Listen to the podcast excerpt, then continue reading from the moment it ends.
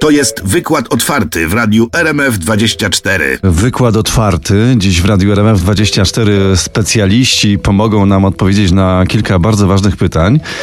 Dlaczego odporność bierze się z brzucha? Jak ją wzmacniać na co dzień?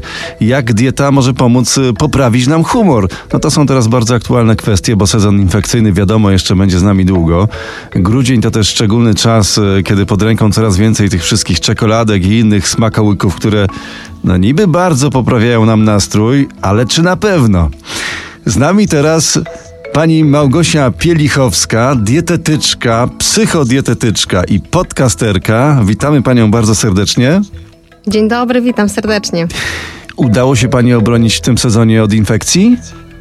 Niestety nie udało się, ale ja wiem z czego to wynika. To wynikało z, Z diety. Przełado... Nie, nie, nie z diety, absolutnie nie, ale z przeładowania się po prostu zbyt wieloma obowiązkami. I tak to bywa. Jak za bardzo się przeładujemy, jak za bardzo sobie dokręcimy tę śrubę, to niestety potem organizm mówi dość. I tak było w moim przypadku. Psychodietetyk nie boi się infekcji, tak czy inaczej? Nie, nie, nie, nie ma co się bać infekcji. W zasadzie nasz organizm, to tak jak mówię, jesteśmy przystosowani do tego, żeby się bronić przed tymi infekcjami. No i przewód pokarmowy odgrywa tutaj bardzo ważną rolę, ponieważ obok skóry i nosa jest tą pierwszą barierą, która chroni nas właśnie przed wszelkiego rodzaju drobnoustrojami. No ale wiadomo, różnie w życiu bywa. Mamy różne obowiązki, różne zadania, różne stresy i stres bardzo mocno wpływa na stan jelit, a to może się przełożyć na działaniu układu odpornościowego. Stąd też możemy się spodziewać, że jeżeli jest gorsza praca jelit, więcej stresu, więcej obowiązków, no to niestety możemy wtedy w takim okresie jesienno-zimowym też, gdzie są wahania temperatur, sezon, gdzie się kaloryfery włączają, raz jest ciepło, raz gorąco, gdzieś tam podbiegniemy do pociągu na przykład do No tramwaju łatwo nie ma ten nasz organizm. No, łatwo nie ma, łatwo nie ma, to prawda. Jesteśmy, ma, czy musimy po prostu mocno zadbać o stan zdrowia jeli, to to, żeby też zakładać zawsze czapkę, tak? To co się powtarza, takie proste rzeczy, ale, ale jeżeli gdzieś tam któryś z, z tych systemów szwankuje, czy nawet tak jak mówię, mamy, mamy trochę więcej stresu, obowiązków na sobie, no to niestety możemy się spodziewać, że ta infekcja gdzieś tam nas weźmie. A tego nie chcemy. No właśnie, pani Małgosiu, odporność mamy w brzuchu, tak się mówi. To jest nasz drugi układ immunologiczny. To dlaczego odporność bierze się właśnie z brzucha? Odporność bierze się z brzucha z tego względu, że tak jak wspomniałam na samym początku, jelita, w ogóle cały przewód pokarmowy obok skóry i obok nosa, to jest pierwsza taka bariera, która chroni organizm, środowisko wewnętrzne od środowiska zewnętrznego. I to tam, w przewodzie pokarmowym, zwłaszcza w jelicie cienkim, odbywa się taka wstępna selekcja, co jest dla nas dobre i możemy przyswoić, a z czego się pozbyć, we, wedle czego aktywować odpowiedź układu odpornościowego. Już taka wstępna selekcja, można powiedzieć, odbywa się chociażby czy w jamie ustnej, gdzie też są substancje, związki w ślinie zawarte, które też mają działanie przeciwbakteryjne, tak? Czy na przykład w żołądku, gdzie kwas solny i cały sok, w ogóle sok żołądkowy, jego zadaniem jest em, usuwanie wszelkiego rodzaju jakichś tam bakterii, no, po to, żeby one się nie mogły dostać w dalsze rejony jelit, a jeżeli gdzieś tam się przedostaną, bo na przykład nasz żołądek nie funkcjonuje prawidłowo i ten sok żołądkowy nie jest odpowiedniej gęstości, nie usuwa tych, tychże szkodliwych związków, no to wtedy do akcji wchodzą jelita i tutaj Ale przecież tam jest... są same bakterie. W jelitach same bakterie. Oczywiście no, są bakterie, są wirusy, są i grzyby, są inne jakieś tam też drobne ustroje, które razem tworzą całość mikrobioty jelitową.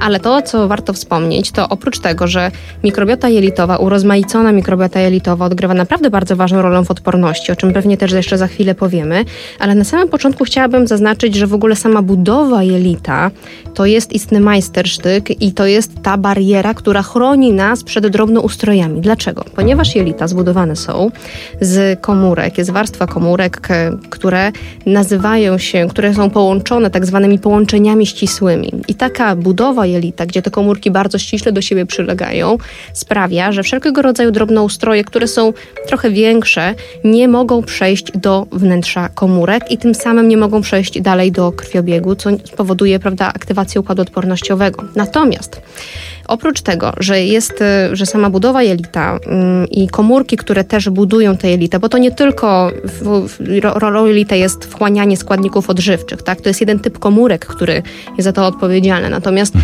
ściany jelit budują też inne komórki, które wydzielają na przykład receptory, które z kolei rozpoznają, czy jest to bakteria dobra, można powiedzieć tak oczywiście w cudzysłowie, czy jest to bakteria nasza, taka, którą możemy tolerować, a czy jest to na przykład drobnoustrój, którego trzeba się pozbyć i którego trzeba na przykład pobrać próbkę, żeby na przyszłość wiedzieć, czy zareagować odpowiednio, czy od razu ruszyć z atakiem układu, układ, komórkami układu odpo- odpornościowego. Bardzo czy... mądry ten nasz brzuch, pani Bardzo mądry. Tak, i co ciekawe, te receptory, to one się nazywają pattern recognition receptors.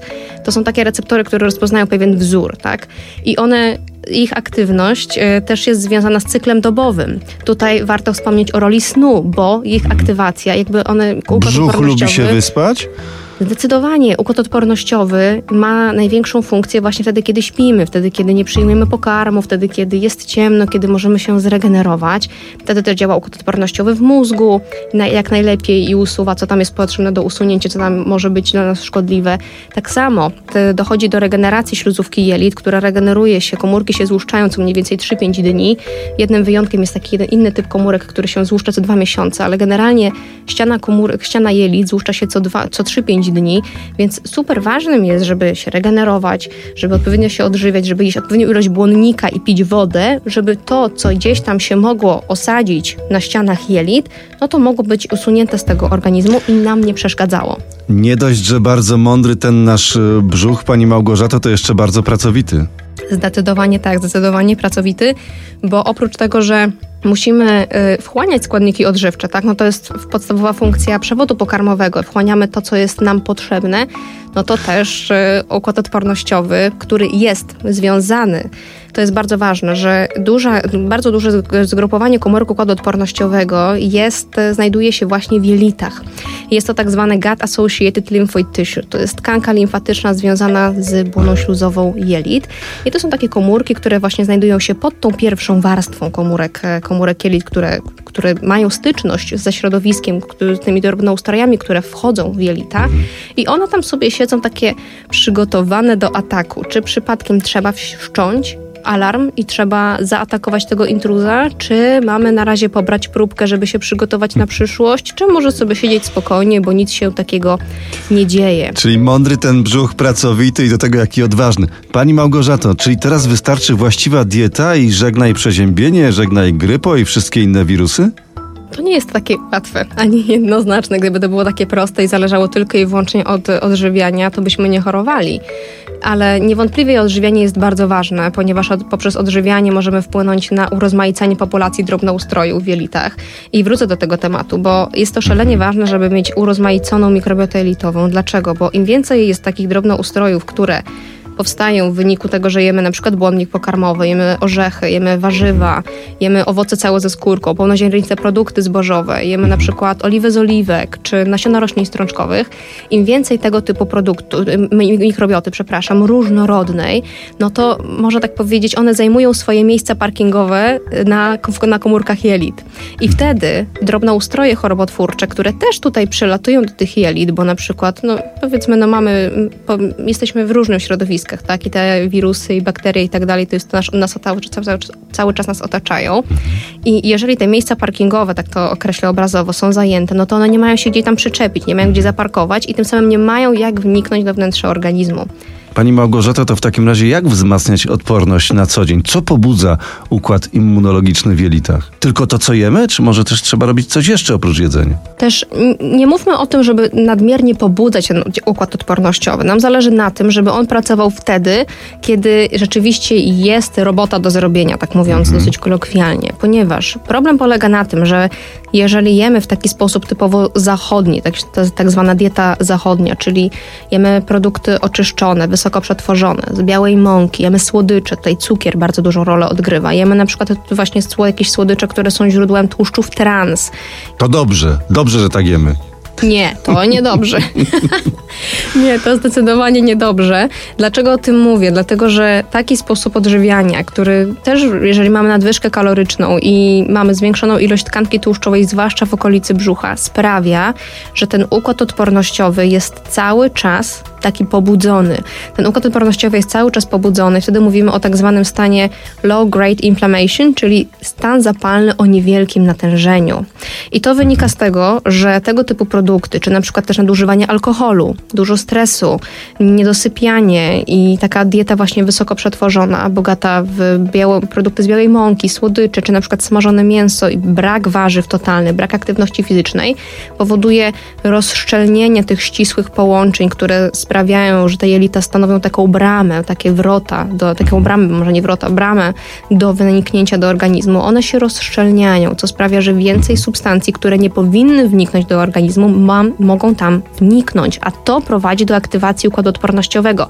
I dlaczego jest to ważne, żeby tego unikać? Ponieważ taka aktywacja układu odpornościowego, taki, taki stan zapalny o niewielkim natężeniu leży u podłoża wielu, wielu chorób. I to nie mówię tylko o kwestii zwiększonego ryzyka infekcji, ale także poważnych chorób, takich jak choroby układu krążenia, czy nawet choroby neurodegeneracyjne, cukrzyca typu drugiego, insulinooporność. Także jest to ważne nie tylko w kontekście odporności i zapobiegania infekcjom, ale w ogóle, żeby chronić swoje zdrowie. To co powinno się znaleźć na co dzień w naszej kuchni czy lodówce, żeby sobie wspomóc odporność, zwłaszcza o tej porze roku? Zerkam do lodówki pani Małgorzaty, psychodietetyczki i co tam zobaczę? Kolorowo, ma być kolorowo. Mhm. Przede wszystkim jakieś warzywo zielone, na przykład brokuły, na przykład jarmuż. Możemy jeść na przykład y, jakiś szpinak. Zielone warzywa są szalenie ważne dla zdrowia jelit, dla zdrowia mózgu. No wiemy, że jelita łączą się z mózgiem, zdrowie jelit łączy się ze zdrowiem mózgu, więc dbamy o to, żeby przynajmniej jakaś porcja zielonego warzywa znalazła się codziennie w naszej diecie. Czy to właśnie mogą być te brokuły, jarmuż, szpinak, brukselka. Wybierzmy sobie coś zielonego Warzywa i owoce w innych kolorach. I im bardziej kolorowe, im bardziej różnorodnie, tym lepiej, dlatego że wtedy też ćwiczymy sobie przewód pokarmowy różnego rodzaju substancjami, który jakby nabiera, nabiera tolerancji na różne rodzaje e, substancji i, i potrafi je trawić, ale też przyczyniamy się do rozwoju urozmaiconej mikrobioty jelitowej. Więc na przykład marchewka, która jest źródłem beta-karotenu, silny antyoksydant, pomidory, pomidory w formie takiej przetworzonej, na przykład pasata pomidorowa, to jest źródło likopenu, też super silny antyoksydant, buraki, na przykład działanie przeciwzapalne, jabłka, też jabłka są źródłem kwercetyny, która ma działanie przeciwzapalne, tak samo cebula, czosnek. Sok z kiszonych buraków? O, zdecydowanie. Sok z kiszonych buraków, fantastycznie. Tak, ma być, ma być kolorowo, ma być różnorodnie. Zadbajmy o to, żeby zawsze było w ciągu dnia jakieś zielone warzywo i za dwa, trzy inne kolory warzyw. Mhm. Dalej. A kefir? Super, bardzo fajnie. Co prawda, tutaj warto zaznaczyć, że kefir czy jogurt, ogólnie fermentowane produkty mleczne, które są źródłem mikroorganizmów, tak, mikroorganizmów, bakterii, e, które, które mogą e, nam zasiedlić jelita, może, możemy jakby je uzupełnić, to one nie są, nie zastąpią nam probiotykoterapii, która też będzie potrzebna, jeżeli na przykład mhm. dziś chorujemy już, czy, czy mamy, zmagamy się z innymi problemami żołądkowo-jelitowymi. Tutaj zaznaczam, że szczep konkretny trzeba dobrać pod potrzeby konkretnej osoby. To nie jest i konkretnej jednostki, konkretnego problemu. To nie jest tak, że wybieramy pierwszy lepszy probiotyk, tylko to musi być konkretny szczep, który ma udowodnione działanie w danej sytuacji. Więc, ale jak najbardziej możemy sobie wprowadzić czy kiszonki, czy, czy właśnie jogurt, kefir do swojej codziennej diety, żeby też trenować sobie ten układ pokarmowy i urozmaicać mikrobiotę jelitową. Jak mhm. najbardziej świetnie. Czyli Dalej. kiszoną kapustę też znajdę w lodówce albo w piwnicy u pani Małgorzaty? Teraz mam kiszone ogórki, co prawda. Nie mam też kiszonej dobre? kapusty. Też dobre. Aha. Kiszonki, wszystko co fermentowane. Wszystko co fermentowane też jest źródłem mikroorganizmów, które jak najbardziej też będą się przyczyniać do, do urozmaicenia tej populacji mikrobioty jelitowej właśnie w, naszy, w, w naszych jelitach. Dalej, o czym warto pamiętać, to na przykład oliwa z oliwek. Oliwa z oliwek, która jest źródłem polifenoli o działaniu przeciwzapalnym. Kwasy omega-3, które są zawarte w rybach na przykład, w orzechach włoskich, w siemieniu Dalej, możemy na przykład pić zieloną herbatę, fantastycznie wpływa na jelita. Kurkumę dodajmy do potraw razem ze szczyptą pieprzu, ponieważ wtedy zwiększa się dostępność kurkuminy, tego składnika e, aktywnego właśnie w, w kurkumie. Możemy na przykład też e, jeść, e, suple, jeść ryby, już wspomniałam o rybach jako kwasach omega-3, ale też warto zaznaczyć, żeby sprawdzić sobie poziom witaminy D. Witaminy D, ponieważ jej niedobory związane są ze zwiększonym ryzykiem infekcji, a badania pokazują, że witamina D wpływa na integralność bariery jelitowej. Więc Gdzie tą witaminę D sprawdzić. znajdziemy? Przede wszystkim w rybach, ale też i w suplementacji. Tutaj suplementację dopasowujemy względem stężenia w, we krwi. Więc najpierw sobie sprawdzamy stężenie, dobieramy dawkę i wtedy taką dawkę, suple, taką dawkę suplementujemy. Żeby nie przedawkować. Zdecydowanie tak, bo nadmiar też będzie szkodliwy. Pamiętajmy, że witamina D, podobnie jak A, E, są witaminami, które są e, rozpuszczalnymi w tłuszczach. To nie jest tak jak witaminy z grupy B, które rozpuszczają się w wodzie i nadmiar po prostu będzie wydalony z moczem, tylko te witaminy gromadzą się w, przede wszystkim witamina A, na przykład w wątrobie, tak, witamina, czy w, w, będą się gromadzić w naszym organizmie, a to będzie bardzo, bardzo szkodliwe, więc też pilnujmy, żeby nie było zbyt wysokie stężenie tych, tej witaminy D. Co jeszcze może być dla nas bardzo e, szkodliwe? Bo kiedy powinna nam się zapalić ta czerwona lampka, że coś z tą naszą odpornością jest nie tak? Po pierwsze, jeżeli na przykład mamy nieustannie jakieś infekcje, to jest pierwsza rzecz. Mamy na przykład co chwilę jakieś opryszczki, bo opryszczka jest sygnałem, że nasza odporność jest obniżona i mamy co chwilę opryszczkę, a to na przykład jakiś co chwilę katar. Co prawda ten katar może wynikać powiedzmy też z nietolerancji histaminy, ale znowu zwracamy tutaj uwagę na jelita, na brzuch, że coś tam jest, nie działa w porządku, jakaś jest tam zwiększona przepuszczalność bariery jelitowej i też na to trzeba zwrócić uwagę. Ale właśnie, jeżeli mamy co chwilę infekcje, mamy, yy, mamy opryszczki, a ze strony przewodu pokarmowego na przykład mamy cały czas nieustannie wzdęcia.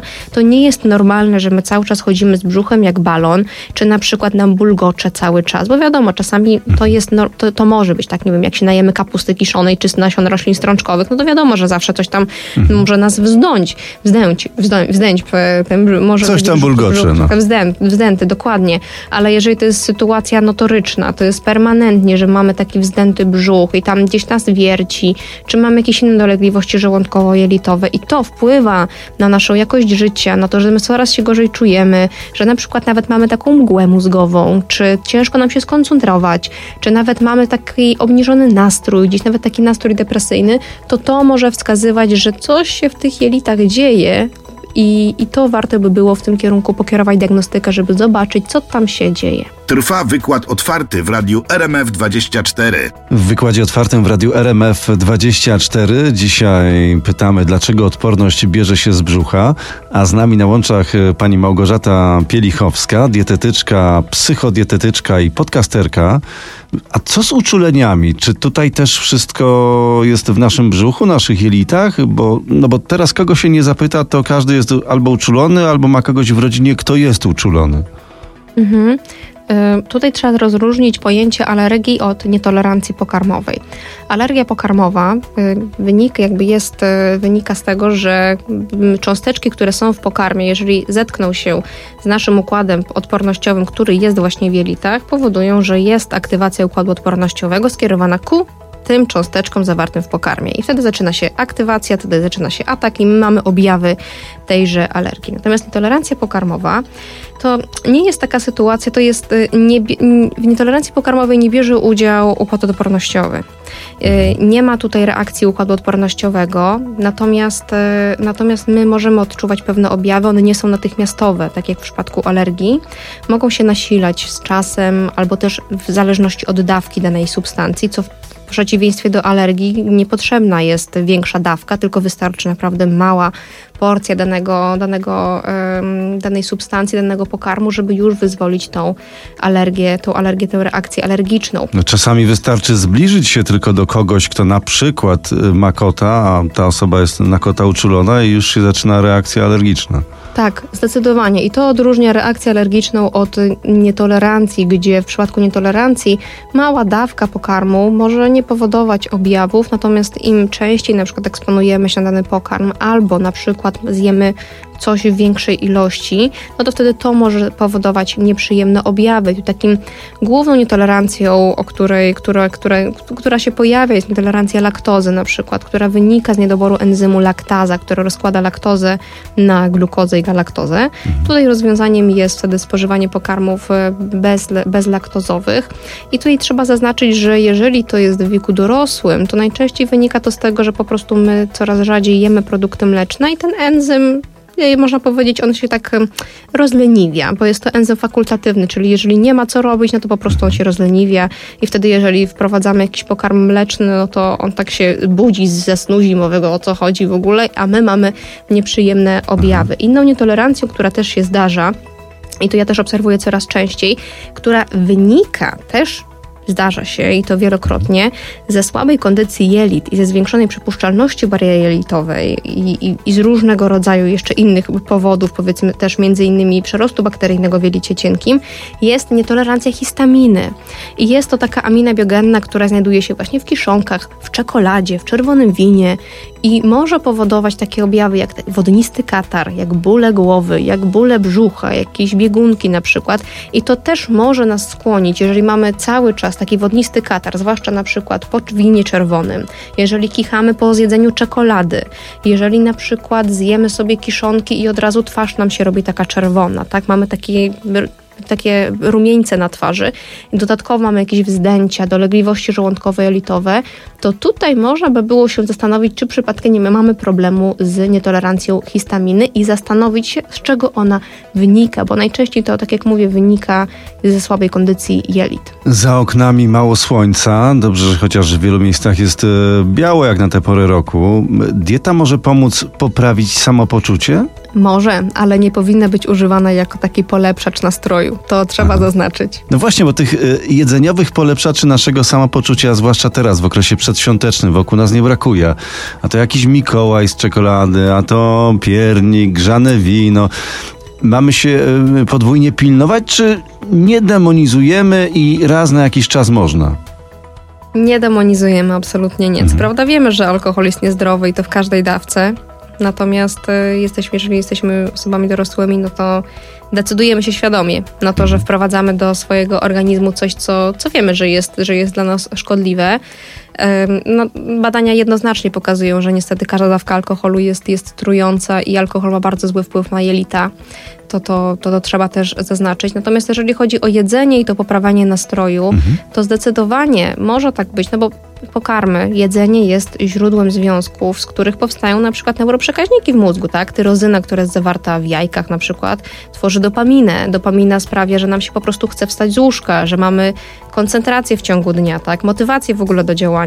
Z kolei z tryptofanu, który jest zawarty w płatkach owsianych, w czekoladzie czy w bananach, powstaje serotonina. To jest taki nazywany ogólnie hormonem szczęścia, ale mhm. serotonina odpowiada za takie poczucie równowagi, za to, że jesteśmy w stanie sobie poradzić z tym, co spotykamy w ciągu dnia, z problemami życia codziennego. Mamy, podchodzimy do niej z takim spokojem.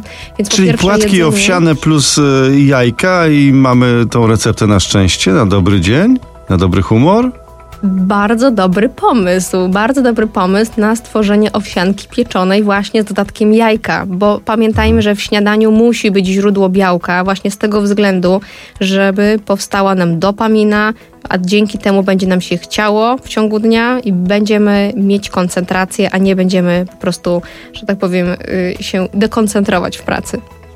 To ile tych jajek można zjeść dziennie, a ile tych płatków owsianych? To wszystko zależy od zapotrzebowania konkretnej, konkretnej osoby, bo... No, osoba, taki chłop jest... na przykład jak ja, 1,88 m wzrostu, 86 kg wagi, no to musimy to podzielić na ilość posiłków w ciągu dnia. Jeżeli by to były trzy posiłki, to myślę, że tak spokojnie 2,5 tysiąca kalorii dziennie, dwa, pomiędzy 2 a 2,5 tysiąca kalorii dziennie byłoby odpowiednie, w zależności też jeszcze od aktywności fizycznej. Ale ja to bym konia z kopytami, pani Małgorzato zjadł?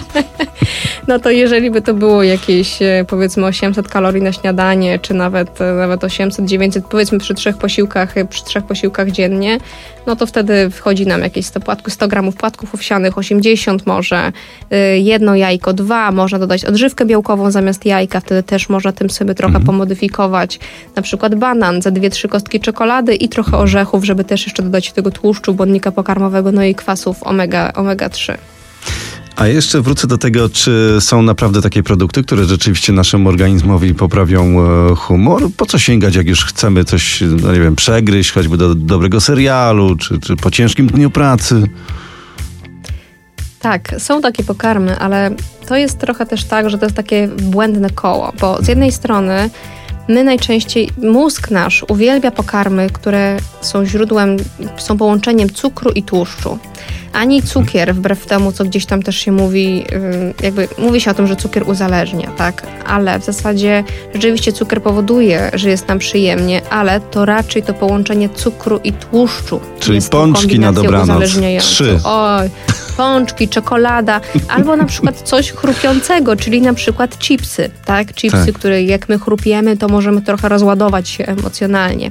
Więc nasz mózg uwielbia pokarmy, które są połączeniem cukru i tłuszczu. No i teraz, jeżeli my jemy taką czekoladę z pełną celebracją, uważnie, skupiamy się na każdym kawałku czekolady, a nie tylko połykamy, byleby odsunąć od siebie jakieś nieprzyjemne doświadczenie, jakiś dyskomfort, jakiś problem emocjonalny i my chcemy tylko odsunąć od siebie jedząc tę czekoladę, no to niestety to wpadamy w błędne koło, bo po zjedzeniu takiej czekolady, której zapewniam, jeżeli jemy ją nieuważnie, tylko odpychamy od siebie to nieprzyjemne uczucie, No to to całą tabliczkę dwa, diabniemy. tylko właśnie całą tabliczkę sobie, sobie zjemy i ewentualnie jeszcze poprawimy jakimś tam batonikiem albo chipsami, czy czym tam mamy pod ręką, no to wtedy pojawiają się wyrzuty sumienia, pojawia się poczucie winy, to wtedy nam generuje większe napięcie. Z kolei jedzenie, które spożywamy w takim, można powiedzieć, jako zajadanie emocji, to no nie są to pokarmy zdrowe, tak? To nie są kiełki brokuła i banany, czy daktyle suszone, tylko to raczej są właśnie pokarmy wysoko przetworzone, które dają nam tą natychmiastową przyjemność.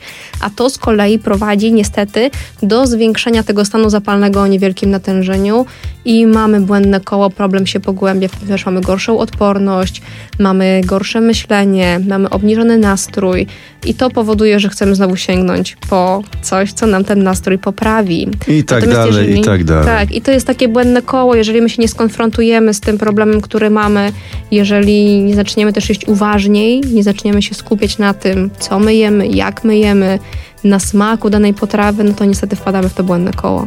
Dzieci nasze też przecież często Mhm. bardzo łapią infekcje. No i co tutaj robić? Jak je mm, karmić, żeby było dobrze, żeby były zdrowe, żeby te jelitka Mhm. tam pracowały jak najlepiej? W zasadzie odporność już się buduje od okresu ciąży. Kobieta, która jest w ciąży, nosi w sobie mm, małego bobasa, to też już jej, jej odżywianie ma wpływ na przykład na mikrobiotę dziecka, ma będzie mieć wpływ na to, jak y, na stan zdrowia dziecka. Sam, następnie też sam poród, tak? Czy będzie to, czy dziecko będzie urodzone poprzez cesarskie cięcie, czy będzie urodzone drogami siła, siły natury, tak? To też już ma znaczenie. Wtedy jest trochę inny skład mikrobioty, troszeczkę inaczej ta odporność będzie pracować. Dalej, mamy aspekt karmienia piersią, czy karmienia mieszankami modyfikowanymi, tak? Mlekiem, mody, mo, mlekiem modyfikowanym. To karmienie piersią jest szczególnie istotne, ponieważ no, mleko matki ma taki unikalny skład, który dopasowuje się do potrzeb dziecka. To jest to dla mnie absolutny majstersztyk, że mleko kobiety, która karmi, dopasowuje się do pory dnia, do tego, czy dziecko jest wcześniakiem, czy urodziło się o dobrej porze, w sensie- w sensie o, tak jakby o plan, czy urodziło się planowo, czy, czy jest jakby w zależności też od, od właśnie od potrzeb dziecka. Dla mnie to jest niesamowite, więc tutaj Magia. jeszcze też karmienie piersią. Tak, no, organizm człowieka, ja się za każdym razem zaskakuję, jaki to jest majstersztyk, jakie te ciała są naprawdę mądre. Dalej, to jak my, jakie my pokarmy wprowadzamy, na jakie my pokarmy eksponujemy dziecko, też się przełoży na to, czy to dziecko będzie jakby chętniej jeść różnego rodzaju produkty. No bo nie da się tak łatwo przekonać dziecka do jedzenia na przykład dobrze przyprawionej kiszonej kapusty, no umówmy się. No, No To tak, frytki są lepsze. To, Zdecydowanie, zdecydowanie. No dzieci lubią to, co jest miękkie, to, co też jest y, łatwo strawne, no bo też o tym pamiętajmy, że takie malutkie brzuszki, no to też jeszcze ten przewód pokarmowy cały czas się rozwija. Natomiast zasada jest dokładnie taka sama jak u dorosłych. Dbajmy o urozmaicenie. My możemy kombinować z obróbką termiczną, możemy kombinować z obróbką mechaniczną, żeby ułatwić strawność, zwiększyć strawność danego pokarmu. Wiadomo, nie wsadzimy tam kapusty kiszonej nie wiadomo w jakich ilościach albo jakichś, jakichś nasion roślin strączkowych, tak, powiedzmy kapusty z grochem takiemu dziecku, ale możemy na przykład wprowadzić małe ilości soczewicy, możemy na przykład jakieś trochę humusu, po to, żeby potrenować ten przewód pokarmowy w małych ilościach, no i też dbać o strawność tego pokarmu. Natomiast zasada jest dokładnie taka sama jak u dorosłych. Różnorodność i dbamy o to, żeby produkty wysoko przetworzone, jakieś słodycze, chipsy i tak dalej, nie były większością, nie były regułą w diecie, a były w mniejszości. Czyli tato, mamo, dajemy przykład dzieciom, żeby były zdrowe. O tak, zdecydowanie. Za chwilę święta, dużo dobrego, niekoniecznie zdrowego jedzenia.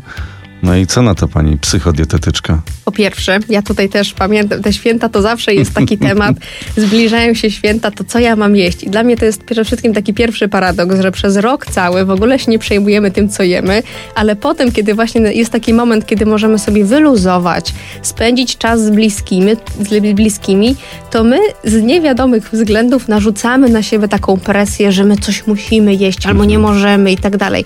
Więc pierwsza rzecz jest taka, że zrzućmy z siebie to napięcie, bo to napięcie będzie powodować, że my wtedy siądziemy przy tym stole wigilijnym i zamiast skupić się na tym, żeby fajnie, miło spędzić ten czas z tymi osobami, które są dla nas ważne, to liczymy kalorie. Się, tak, będziemy się stresować tym, że a czy ja mogę to zjeść? Ile ja mogę zjeść pierogów? Okej, okay, zjadłam trzy pierogi, to czy ja mogę jeszcze jednego? No dobra, powiedziałam sobie, że mogę zjeść trzy, no to jak zjem cztery, no to co wtedy? I generujemy tą spiralę napięcia, która powoduje, że w końcu stwierdzimy, dobra, to już mam to gdzieś i się tak najem, że skończę z bólem brzucha. Więc pierwsza rzecz to po prostu wyluzujmy, zrzućmy z siebie to napięcie i zobaczmy, co będzie. Skupmy się na tym, co, jak my chcemy spędzić te święta, czy to ma być miła atmosfera. Porozmawiajmy z, z bliskimi. To jest pierwsza rzecz, czyli to zrzucanie napięcia.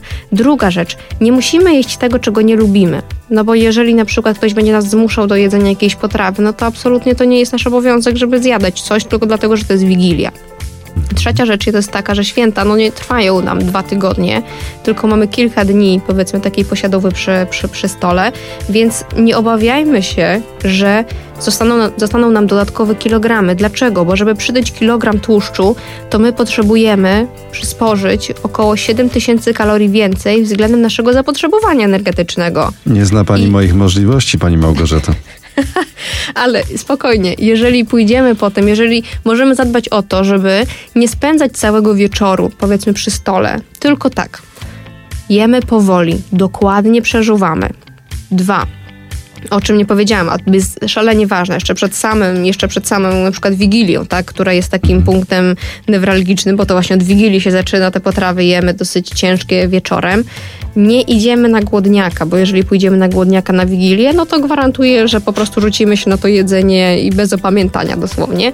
Więc zjedzmy, zjedzmy sobie coś małego przed tą Wigilią po to, żeby rzeczywiście no, poczuć głód, tak, no bo chcemy smakować potrawy, bo ku, ku, głód jest najlepszym kucharzem, to wiadomo ale też żebyśmy nie czuli takiego wilczego głodu, bo wtedy my nie jesteśmy w stanie kontrolować swojego poziomu najedzenia, tego ile jemy, co jemy i tak dalej.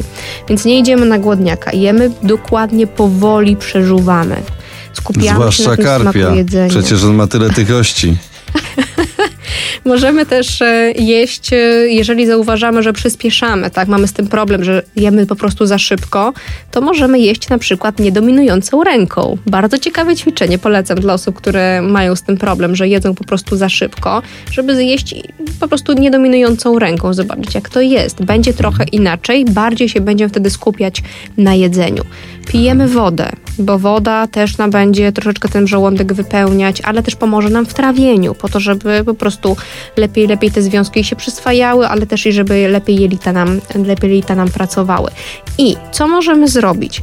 Jeżeli czujemy takie najedzenie, że jest nam w zasadzie już komfortowo, nawet może troszeczkę takie już takie przejedzenie, to mhm. wstańmy od stołu i wyjdźmy z tego pomieszczenia. Możemy pójść na przykład pomóc pozmywać naczynia, możemy z kimś porozmawiać w innym miejscu, możemy wyjść na spacer, spacer, ale nie siedźmy przy tym stole, gdzie jesteśmy wyeksponowani na różnego rodzaju pokarmy i jeżeli mamy coś w zasięgu ręki, to chętniej po to sięgamy, prawda? I możemy A może jeszcze wtedy- kawałek serniczka, a no może właśnie. makowca. Dokładnie, a może serniczek, makowiec, to wtedy wstańmy od tego stołu, troszeczkę zmienimy otoczenie, przekierujmy uwagę na coś innego. Pamiętajmy, że święta trwają kilka dni, więc my spokojnie możemy sobie zjeść coś też następnego dnia, to nam nie ucieknie. I na luzie, nie napinajmy się, że czegoś nie możemy, że czy coś musimy zjeść, tego nie możemy, to możemy.